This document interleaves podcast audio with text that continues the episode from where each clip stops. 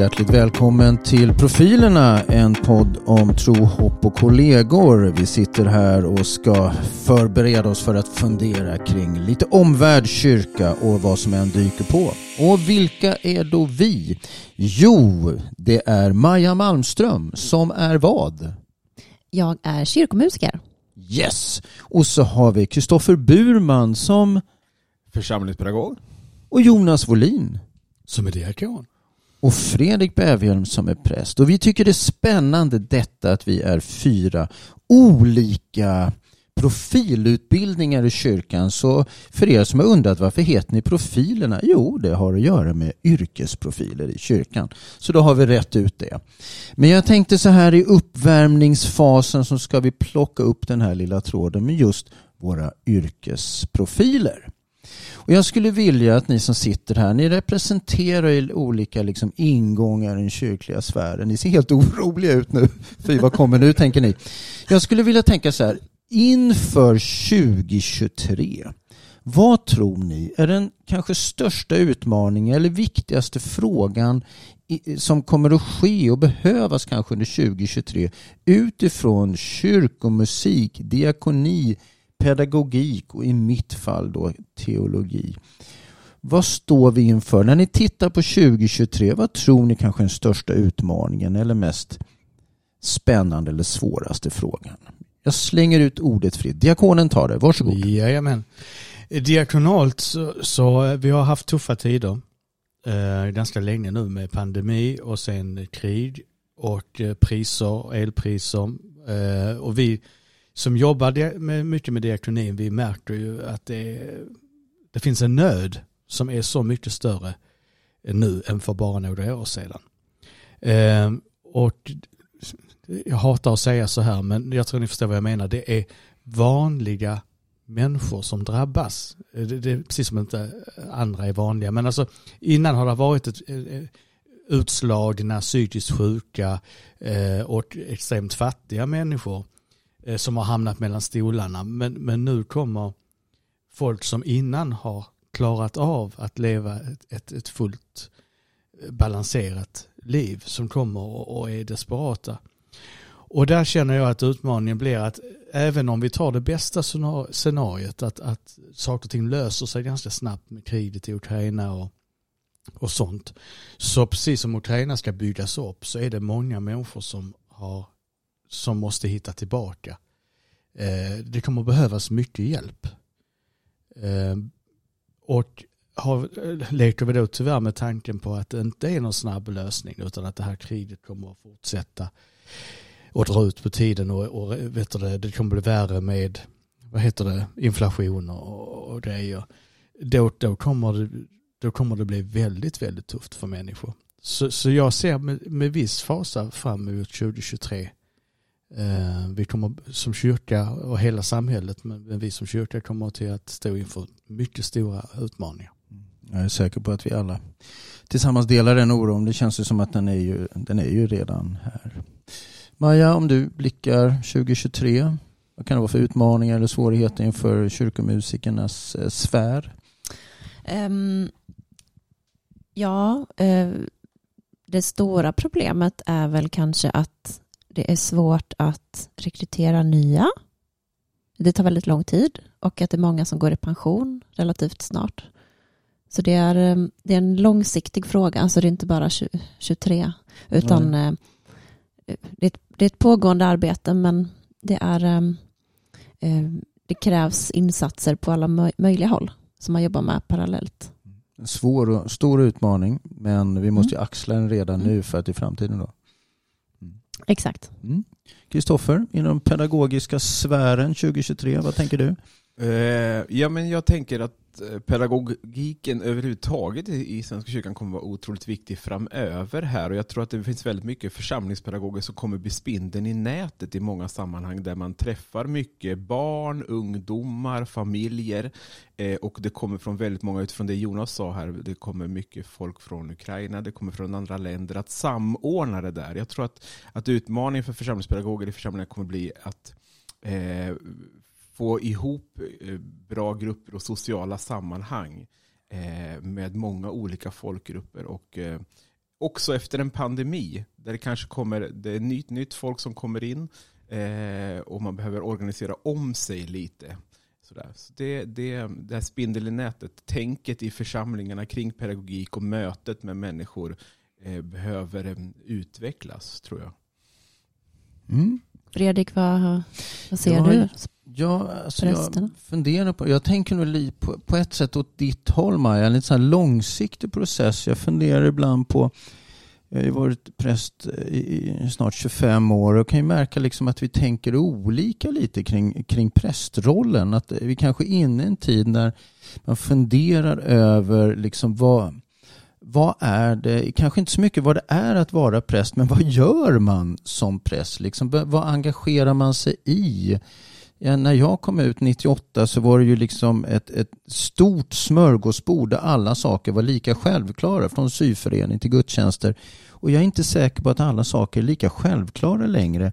Och då kan det ju vara så att har det skett en eh, liksom, identitetsförändring inom prästskrået eller håller den på att ske? Av godo eller av ondo? Jag har ingen aning. Men ibland upplever jag till exempel att präster är inte lika intresserade eller benägna av att jobba med barn och ungdomar. Om jag nu generaliserar då till exempel. Om det är sant eller inte, jag vet inte. Men det känns som det ibland. Och det upplever jag då en förändring från när jag började. Och det betyder att vi kanske är inne i en period när prästrollen, att man funderar kring prästrollen. Om det är sant eller inte, ja, vi får väl se. Från det ena till det andra. Nu är vi inne på avsnittet spaning och det är Jonas idag som ska spana. Mm. Jag har märkt eh, någonting med mig själv eh, nu när jag börjar bli lite äldre. Och det är att jag, alltså så, redan som ung, jag slukade när jag var 14, 13, 14, jag slukade Sagan om ringen böckerna och, och jag har alltid älskat science fiction och Star Wars och, och ehm, har mycket fantasi och, och, och ja, så här. Eh, men jag har märkt nu på äldre dag att jag har börjat läsa mer och mer biografier. Och jag tycker om att titta mer och mer på dokumentärer. Och jag sitter faktiskt och funderar lite på varför är det så? Ålderstecken. Jag ska Ja det är ett ålderstecken, det är det. Själv skrattar jätte- jag igenkännande för jag, Jag känner känner- helt igen mig Jag i Kristoffer med. Ja, Samma och, och, och, och, och jag, jag tar upp det för att jag har faktiskt inget, alltså vi vet att det är så och vi vet att vi inte är de första. Utan det är, det är någonting som är, min, min gamla morfar han, se, han såg ju alla nyhetsprogram från klockan fyra till klockan tio. Ehm, men men jag, jag är faktiskt uppriktigt nyfiken. Varför är det så att helt plötsligt så, så fylls min värld av verklighet? Det är verk, poddar, politiska poddar. Jag har aldrig varit särskilt politiskt intresserad för. Jag lyssnar på massvis med poddar. Som sagt dokumentärer, eh, biografier. Varför är det helt plötsligt verkligheten som nu är, är det jag söker? Ja, det, det, eh, jag, jag tänker jag kopplar på en diskussion vi haft i ett annat avsnitt och det är ju det här eh, när man blir lite arg gubbe som vi har nämnt här, att man retar sig på saker. Jag tänker att det hör ju också till, det ska vara ordning och reda och, och, och, och man retar sig på prylar och sådär. Att det hänger lite ihop med den här förändringen som sker. Jag håller helt med dig, varför gör jag detta? Och, och jag har inget bra svar, men ett svar kan ju också vara, nu försöker jag vara lite snäll här då, är ju också tillgång till exempel, jag glor ju mycket på Netflix och HBO då. Det är ju en stor tillgång av dokumentärer där till exempel. Och de där dokumentärerna är ju generellt på en timma. Och är det då inom det man är intresserad av så är det väldigt lätt att titta. Alltså det är lite spännande eh, och, och, och det här att det i verkligheten kittlar väl. En film tar då lång tid. Det är väl inte förklaringen för det, på det men, men det, en, det finns en lättillgänglighet till både nyheter och så vidare. Men varför glor vi på så, varför blir vi så omvärldsintresserade? Det är egentligen det du säger va? Mm. Ja, jag vet inte vad jag säger. Nej, jag jag, vet bara inte heller. ett beteende här. Ja, det är ett beteende. Det är intressant. För Men jag, jag- tror det ligger ja. någonting i det nämligen. Mm. Mm. Nej, men jag känner igen mig jättemycket i det också. Jag måste, alltså, mina barn säger åt mig, alltså, måste du titta på en nyhetssändning till? Och jag tror att det handlar om att jag behöver göra be världen begriplig. Vi bombas så otroligt mycket av liksom, information hela tiden och man vill på något sätt göra det begripligt. Så jag tycker det kan vara skönt ibland, och det är framförallt mina barn som får mig att kolla lite på fantasy, science fiction, för att liksom släppa liksom, att hela tiden vara nyhetsberoende, som jag nästan känner att jag är ibland. Eh, så jag... ehm, Men vi kanske Ja. gör båda. Jag tänker på Jonas, du säger. Du tittar väl fortfarande då på science fiction och sådana serier också eller? Ja, och, och min egen lilla eh, teori som, som inte alls förklarar alltihopa men som jag har tänkt det är väl lite det här att jag kanske nu inser att hur bra en serie än är och hur stor budget den än har så överträffar den inte verkligheten. Alltså verklighetens historier överträffar oftast det man kan hitta på. Eh, Jag blir eh, eh, ofta tycker jag besviken när man ser en, en serie som är jättebra. Sen så tycker man ändå när den är slut så tänker man ja men det var... den var ju inte trolig. Ja, eller det, eller, hade det eller det, hänt. det rann lite ut i sanden. Det blev Ja. liksom så här. Så inser man liksom att det finns en dokumentär som är, är 20 gånger mer. Alltså, det är lite det här att verkligheten trumfar. Eh, Vad, vad är det man säger? Att, eh, Dikten trumfar inte verkligheten. Verkligheten trumfar dikten. något sånt liksom. Att det kvittar vad man hittar på så, så är, är det verkligheten ändå en- ett snäpp värre. Och i och med att vi så, får så kvickt information om verkligheten idag så är det väldigt lätt att fastna i det och kittlas av det. Jag menar, det är, vi som har alla pushnotiser i våra telefoner, det kommer ju hela tiden grejer om nytt. Ofta då lite hemskheter då va. Och det är klart att hemskheter har vi ju en tendens till att vilja grotta ner oss mer i än, än de här härliga positiva nyheterna. Om det då inte gäller att elräkningarna börjar bli mildare igen. Den typen av nyheter gillar vi då. Va? Men, ja, men det är ett intressant beteende. Är det vårt sätt att försöka greppa verkligheten, att man blir gammal och, och, och, och man behöver liksom förstå. Man blir äldre, man behöver förstå kan det inte hur det vara hänger att ihop. man blir, eller förhoppningsvis blir mer och mer klok och inser att oj, vilka luckor. Ja, du att tänker man vill- så du. Att man på något sätt blir lite mer ödmjuk och vill lära sig mer. Och det samtidigt så gnälliga gubbar, vet du, det, de är ju inte så ödmjuka. För det, det, Ah, nej. det kommer ju där också någonstans. Biografier kan jag i och för sig fatta lite varför det kommer nu. För att jag menar om, om vi säger nu, vi tar en- någon människa, vi hittar på, eh, vi säger att det finns en, en, eh, en fantastiskt inspirerande människa som ska göra mycket. Eh, i, nu när den börjar så vill man kanske inte läsa så mycket om den människan egentligen, för det är inte så mycket att säga. Men när den människan har varit aktiv, om det sen är en politiker eller en skådespelare eller vad det nu kan vara, eh, om man själv har, har vandrat med där.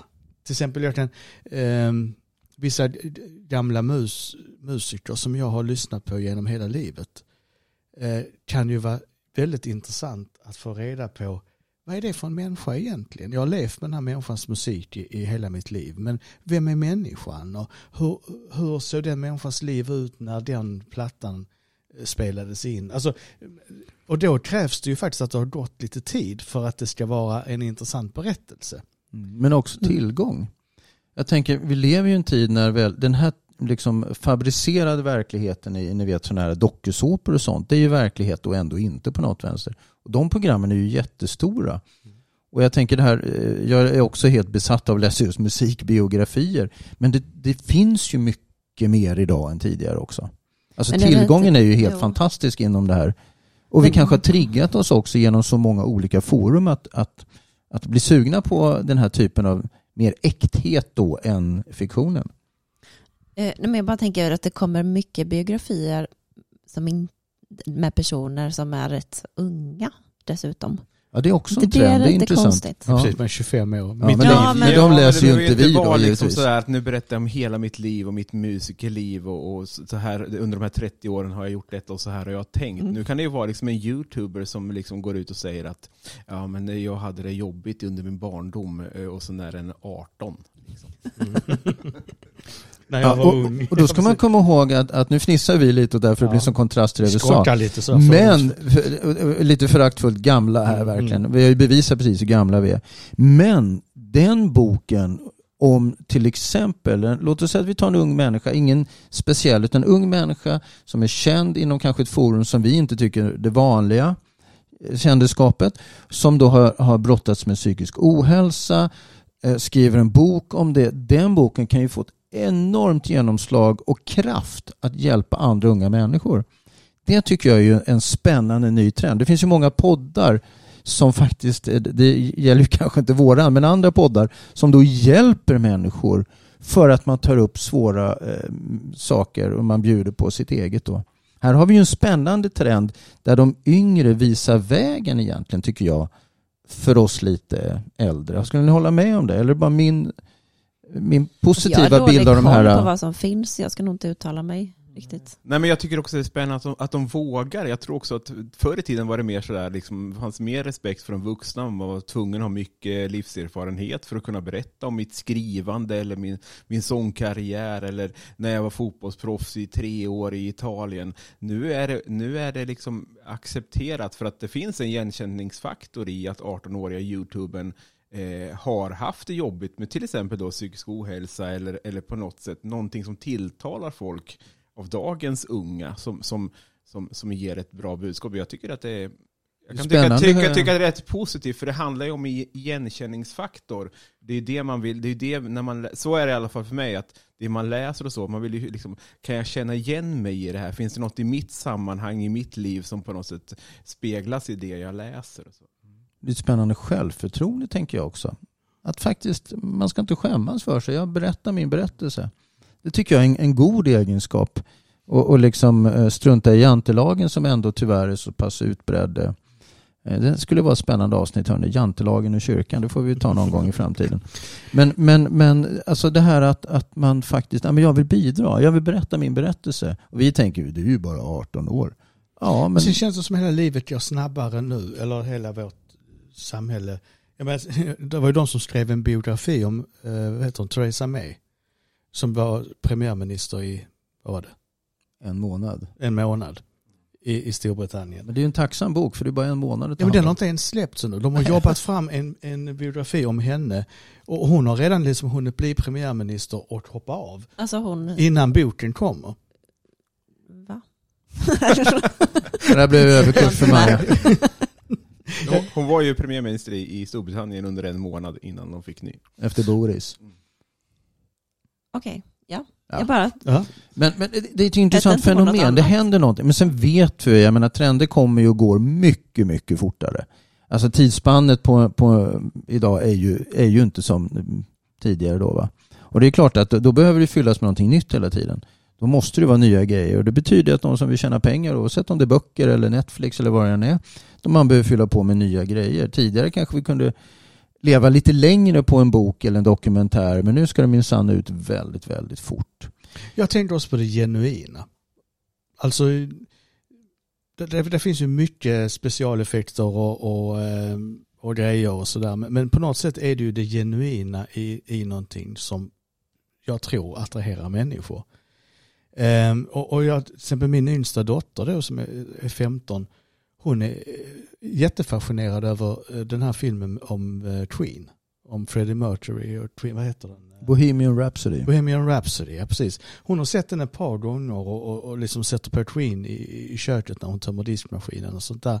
Och det är ju egentligen helt, helt fel eh, generation, eller vad man ska säga, att det var ju länge sedan. Så Men jag tror det finns något genuint både i berättelsen om runt Queen och deras alltså kärlek för musiken och, och vad de gjorde och hur han levde sitt liv. Och i deras musik finns någonting som är genuint. Mm. Medan andra artister idag gör låtar som är max två minuter för att ingen orkar lyssna mer än två minuter. Och du måste börja med refrängen för att ingen har ork att vänta tills refrängen kommer. Och som en motvikt till det kanske man just söker det genuina. Eh, det, det, det, känns också som en, det kan också vara en polarisering i det där tänker jag. Men jag, när du berättar nu så börjar jag tänka på Instagram och vad jag läst om undersökningar kring till exempel Instagram. Det gäller ju alla sociala medier just det här var Instagram. Att vi har ju under rätt lång tid sett en väldigt polerad yta i Instagram. Alltså det ska, eh, vi filtrerar bilderna och gör dem snygga och vi tar väldigt medvetet, man kämpar rätt länge med bilder och man ska måla upp en verklighet som jag är på Capri varenda vecka fast jag egentligen sitter i Teckomatorp. Alltså det här att livet ska verka så lyxigt hela tiden. Men då har det ju kommit en polarisering, det finns ju givetvis kvar, men det har kommit en polarisering om man tar Instagram där det är väldigt tydligt, man vill berätta det genuina som du säger Jonas. Man vill lyfta, men så här är den ofiltrerade verkligheten. Hashtag no filter om ni har tänkt på det. Den har ju trendat för länge sedan. Va? Men den är stor fortfarande. Och det här att, att ja, men jag, jag berättar det som det är. Jag vaknar med ångest, det är det jag berättar. Jag vaknar med si och så. Jag berättar om det. Jag lägger ut en bild hur jag ser ut när jag gör det.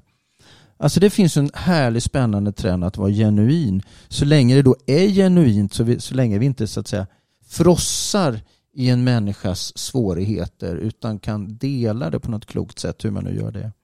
Så att kanske är det en polarisering på gång med de här frågorna men det lämnar jag helt osagt. Ja, och där har du ju liksom, jag tänker också att det, det, bygger på att någon är lite förebild och börja med det där, att våga vara det där no filter eh, och berätta om sin, sin vanliga vardag. Och jag tänker att det, det har ju också kommit efterhand och så tror jag att det finns folk som är liksom, där man känner att ja, men det här är okej, okay. det är ett okej okay forum att, att vara på. Eller, eh, eller forum, men, men till exempel på Instagram eller på YouTube, att man, får, att man får prata om de här sakerna. Och jag tror att det är otroligt viktigt att man lyfter eh, unga människors, alltså inte som oss, unga människors tankar, funderingar, problem och sådär. För att det, det, ja, men jag är tillbaka till det här, det igenkänningsfaktorn, att känna sig, är, är det här någonting som tilltalar mig? Och ska man, det gäller ju att hitta de där ämnena som, som, eh, som betyder någonting och som blir då genuina. Och det är ju verkligen viktigt att lyfta den, den ofiltrerade delen av verkligheten. Det vill säga att, och det tänker jag är viktigt för oss som kyrka, att tala om livet som det verkligen är. Inte det botoxade eh, livet så att säga, utan det, det är okej att vara och se ut som den du är. Men sen kräver det ju säkert av någon som ställer sig i den frontlinjen. Man är ju väldigt utsatt så fort man rör sig i någon form av frontlinje med sociala medier. Och där kunde man ju önska att vi var kanske snällare mot varandra och mer eh, respektfulla. Ska vi då glida lite över det på, på det, eh, vårt sammanhang, det kyrkliga sammanhanget, så tänker jag att det är kanske det som gör att vi fortfarande hänger kvar efter 2000 år. Ehm, Men menar trender kommer och går, det är hela tiden det senaste. Eh, du ska ha tyngdtäcke, du ska ha eh, spikmatta, du ska göra yoga, du ska träna. Alltså det kommer hela tiden olika trender och det är inget fel, fel i dem. Men trots allt vi har gjort, vi människor, för att sabba det här budskapet som, som vi har, så, så 2000 år senare tycker jag i alla fall att, att, att det, det står för någonting genuint, det håller. Um, och det, och det tycker jag att kanske vi ska spinna på lite mer. Att, att göra livet lite mer dokumentärt. Levande, brinnande, att det bränner till. Att, att, att människor som kommer till oss i kyrkan fattar att det här är riktiga människor med riktiga problem och så vidare. Att vi inte försöker bygga upp någon, någon eh, fantasigemenskap som inte finns. Där det är som att här är, här är vi, människor säger så ibland ju att folk i kyrkan gör så här. Ja, men det är ju helt vanliga människor i kyrkan. Det är inte okej. Okay. Men förklaringen är att, att även de som jobbar i kyrkan till exempel eller är aktiva i troende eh, är vanliga människor som gör fel och misstag. Och där, där tror är jag du är lite... säker på det? Alltså? Nej, jag, nej, men jag har, jag har mina aningar. Vissa, vissa kanske. Men jag, jag tänker att det, det, är en spännande... Där är också, apropå paradox. Å ena sidan tror jag att människor kanske känner vad skönt den där prästen, han är som folk är mest. Men, men det gäller att vara folk som folk är mest på rätt sätt. För gör man fel misstag idag, då är, då är det ju inte nådefullt heller. Va? Och jag tänker, vi är en organisation som talar om nåd, vi predikar nåd och kärlek. Frågan är hur pass nådefulla är vi mot varandra och de misstag. Alla gör misstag. Alla har vi trampat fel och vi kan be om ursäkt om vi är medvetna om det. Vi kan, vi kan försöka lära oss. Men det är svåra gränsdragningar i en värld som nästan kan... Det är väldigt lätt att liksom eh, haka på snack och haka på grejer och så glömma det vi precis kanske har förkunnat på söndagen och blir någonting annat. Va? Och jag tycker folk ska ha förväntningar på oss i kyrkan. Inte för att vi är perfekta utan för att vi står för någonting som är perfekt, det vill säga Jesus själv och, och en Gud som älskar alla. Och vi lever inte upp till allt det där, men vi försöker ju. Så att det är väl bra, är det inte det? Att de har förväntningar så länge folk samtidigt förstår ja, vi är arma små, små syndare alla vi som försöker hantera det som är våra liv och vår vardag. Mm. Det blir helt tyst Ja. efter det. Word på den då. Word Word på på den. den. Ja, men då tryck, amen. amen på den. Då gör vi ju och trycker en liten sån där. Hörni, vi har nått faktiskt, eh, kanske inte vägs ände med den här frågan, men det här avsnittet. Vi har kommit dit och vi börjar fundera över vilka vi är och hur vår omvärld är. Tack för att ni har lyssnat på Profilerna, en podd om tro, hopp, kollegor. Ses snart igen.